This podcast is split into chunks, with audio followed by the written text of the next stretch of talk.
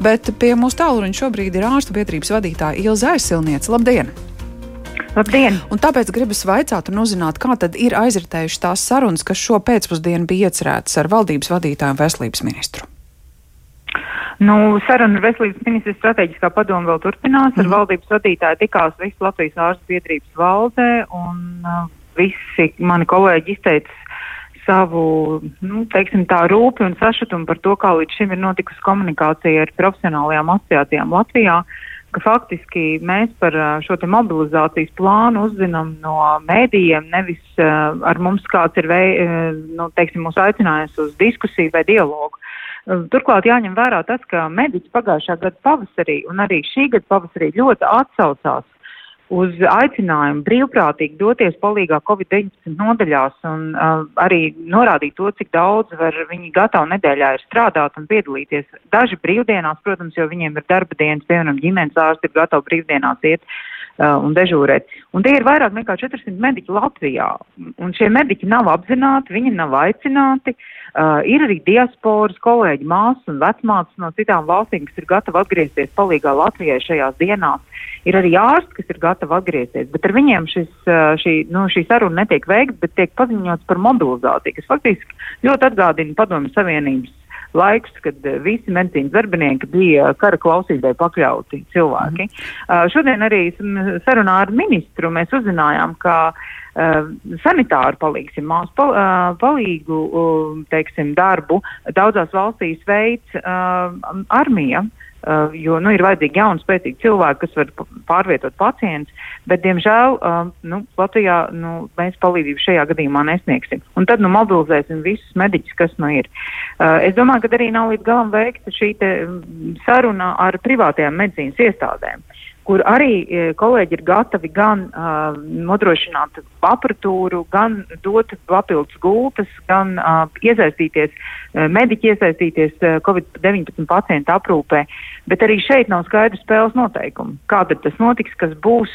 Un es gribu citēt profesoru Boku, kurš teica, nu, tagad mobilizēsim un sūtīsim piespiedu darbā ar draudiem uh, par kriminālu atbildību cilvēkus, kas ir izdeguši, vai kuri jau ir aizgājuši pensijā. Nu, tas nav godīgi pret mūsu nozari, kur ir badināta gadu desmitiem, un tad, kad mēs lūdzam pielikt 10% uh, palielināt algas nākošajā gadā, tam nauda neatrodas. Bet uh, ārzemju speciālistu uzaicināšanai uz Latvijas un viņu izdevumu sekšanai, pat ja viņi strādās brīvprātīgi, naudas nav. Bet nu, jums šodien bija jautājums. iespēja ministram pavaicāt, nu kādēļ tā tagad ir iznācis Mēs pavaicājām to valsts, uh, mēs to vai, vai, pavaicājām premjerministram. Un arī ministram mēs norādījām uz tām lietām, piemēram, uh, kā jūs ziniet, nāko, nākošo nedēļu veselības aprūpas iestādes var uzņemt tikai uh, tos pacientus, kuriem ir veikts antigēnu tests. Uh, tātad tieši pie durvīm, jā. Cilvēks. Jā, tieši pie durvīm jautājums, kur vai veidosim telti vai kā. Uh, Bet šodien izrādījās, ka antigēna testi vispār Latvijā nav pieejami. Viņi varbūt būs pieejami tikai nu, pēc divām nedēļām. Visiem, kas vēlas un kas grib strādāt uh, un, un pieņemt pacientus, arī ģimenes ārsti bija tie, kas pirmie norādīja, ka viņi nevar šos antigēnu testus iegādāties. Vienkārši man tāda sajūta ir, ka tā diezgan ļoti nekoordinēta darbība ir un par, tieši par to Latvijas ārstu biedrības valdes locekļi šodien arī informēja valdības vadītāju Krišjānu Kariņu kungu. Jo šodien viesojoties krustpunktā, Krišjāns Kariņš to arī sacīja, nu, viņš grib izprast, kādēļ ir tas demisijas pieprasījums veselības ministram, vai tā mobilizācija bija tā kā pēdējais piliens, vai, vai tās problēmas nozarē ir, ir bijušas krietni vien dziļākas un tā plais izveidojusies jau, jau kādu laiku. Un plais veidojās jau kādu laiku. Tāda viena zīme ir, ka ļoti daudzi zinoši speciālisti ir pametuši veselības ministriju. Piemēram, tāds nu, ļoti traks jautājums ir pacientu prioritizēšana, kur mēs darīsim visu, lai nebūtu pacienti jāprioritizē.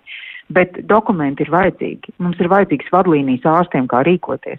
Ārstu biedrība ir strādājusi pusotru gadu, lai varētu šo dokumentu izveidot mhm. atbilstoši bioētikas jautājumiem, juris, juridiskajiem, teiksim, priekšnoteikumiem. Uh, Saima pieņēma likumdošanas izmaiņas likumā. Ministra kabineta noteikumi ir, bet mēs kopš jūlija mēneša nevaram saņemt rīkojumu no veselības ministrijas par prioritizācijas vadlīnijām. Turklāt mēs norādījām veselības ministrijai, ka tā nevar būt daļa no katastrofu medicīnas plāna, jo uz šo kļūdu norādīja uh, tiesības sargs. Bet mēs neesam sadzirdēti. Vakar mums atkal mēs saņemam ziņu, ka tas būs daļa no katastrofu medicīnas plāna, kas tā nedrīkst būt. Tam ir jābūt atsevišķam ministru, ministrijas rīkojumam. Un tā ir plaisa, kuru nu pat vairs nu, jau plīst pa vīlēm viss. Vai jāsaka tā, nu, ledus gabals ir sadalījies ministrs, kurš nav spējis tikt galā, jo nu, visticamākais, ka ir ministrijas departamenti, kuru pienākums būtu tad gan vadlīnijas apstiprināt, gan iespējams skaidrot, kā tad ir ar tiem antigēnu testiem, kuri nemaz nav pieejami. Nu, es domāju, ka ministrijas tā kapacitāte ir ļoti strauji sarukusi pēdējo desmit mēnešu laikā. Uh, Paliekam pie tā, ka arī rītvaldības vadītājs teica, ka, ka diskutēs par šiem jautājumiem ar, ar, ar saviem politiskajiem kolēģiem, bet, nu, ja nu nonāk tik tālu, ka tiek mainīts veselības ministrs, uh, kur mēs atrodam citu cilvēku, un kādam tam ir jābūt ar politisko atbildību, ar nozares pieredzi, nu, kas ir tās darbības, ko mēs sagaidītu ātri veicam citam cilvēkam nonākot šajā amatā? Nu, valdes locekļi šodien izteica arī sarunā ar premjerministru to, ka tam tomēr ir jābūt cilvēkam, kuram ir zināšanas par veselības aprūpu un arī varbūt ārstniecības procesu, jo um, vairāk mani kolēģi izteica viedokli par to, ka diezgan liela problēma ir saistībā ar slim, lielo slimnīcu vadībām. Viņas vada cilvēki, kuriem nav pat īsti specialitātes veselības vadībā. Viņi ir varbūt kaut kur citur bijuši menedžeri, bet ne veselības vadības. Viņiem nav veselības zināšana. Šī te, jo veselības vadība ir ļoti specifiska vadība, viņi ir jāmācās arī gadiem ilgi. Un šīs te nav. Jautājums ir, kas vada uh, lielās uh, slimnīcas? Tas ir viens no jautājumiem. Un tas Otrs attiecās arī uz ministru. Mm -hmm. Bet nu, šobrīd ir, ir pavisam cita un ļoti liela globāla krīze veselības aprūpē. Uh, ekspertu komisija. Mēs zinām, ka bija akadēmiskās vides eksperti. Nu, no turienes kāds varētu nākt, vai, vai tās tik un tā ir partijas, kurām savā vidū ir jāmeklē cilvēks? Nu, Latvijā ir noteikti zinātniski politika, nevis zinātniski, bet mums ir, mums ir tādas, nu, savi tie noteikumi Jā. partijām. Un politi mm, politikā ir zinām savu noteikumu. Parasti, nu, ja lai mēs pilnīgi neizmainītu visu esošo kārtību un gūtu atbalstu saimā, nākamajam ministram mm. acīm redzot, viņam ir jānāk no tām politiskajām partijām, kuras ir koalīcijā. Es ceru, ka politiskās partijas uh, atradīs uh, cilvēku, kuram ir uh, zināšanas un kuram ir spējas veidot dialogu ar nozari. Un saprotat, ka jebkura joma ir saistīta ar zinām birokrātijas un dokumentu apriti, cik ātri no iespējama cita veselības ministra, mēs varam sagaidīt pozitīvas pārmaiņas? Es domāju, ka ļoti ātri, ja cilvēks uh, saprot, ko darīt, kā darīt un uh, ieklausās. Es domāju, ka, uh, ziniet, medicīnā, ja mēs runājam par medicīnas kļūdām, tad ir visstrakākās kļūdas ir tāpēc, ka mediķi nedzird, ko pacients stāsta. Viņi zina visas zināšanas, vadlīnijas, kā lietot zāles, bet viņi nav uzklausījuši cilvēku. Un galvenā problēma, kur ir kļūdas medicīnā, ir komunikācijā. Es gribu teikt, ka šis pats princips ir attiecināms uz valsts pārvaldību.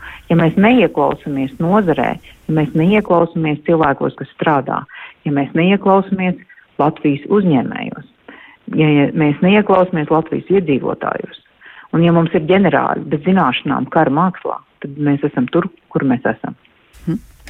Paldies par šo viedokli. Ārstu biedrības vadītāja Ilza Aizsilniec pie pēcpusdienas programmas tālruņa. Atgādinām, ka šo pēcpusdienu ministru prezidents Krišāns Kariņš tiekas ar veselības organizāciju pārstāvjiem. Tāpat arī veselības ministrs ir šo pēcpusdienu paredzējis ar nozari tikties, un šī tikšanās, cik noprotams, joprojām nav beigusies, taču prasība veselības ministram demisionēt aizvien ir spēkā.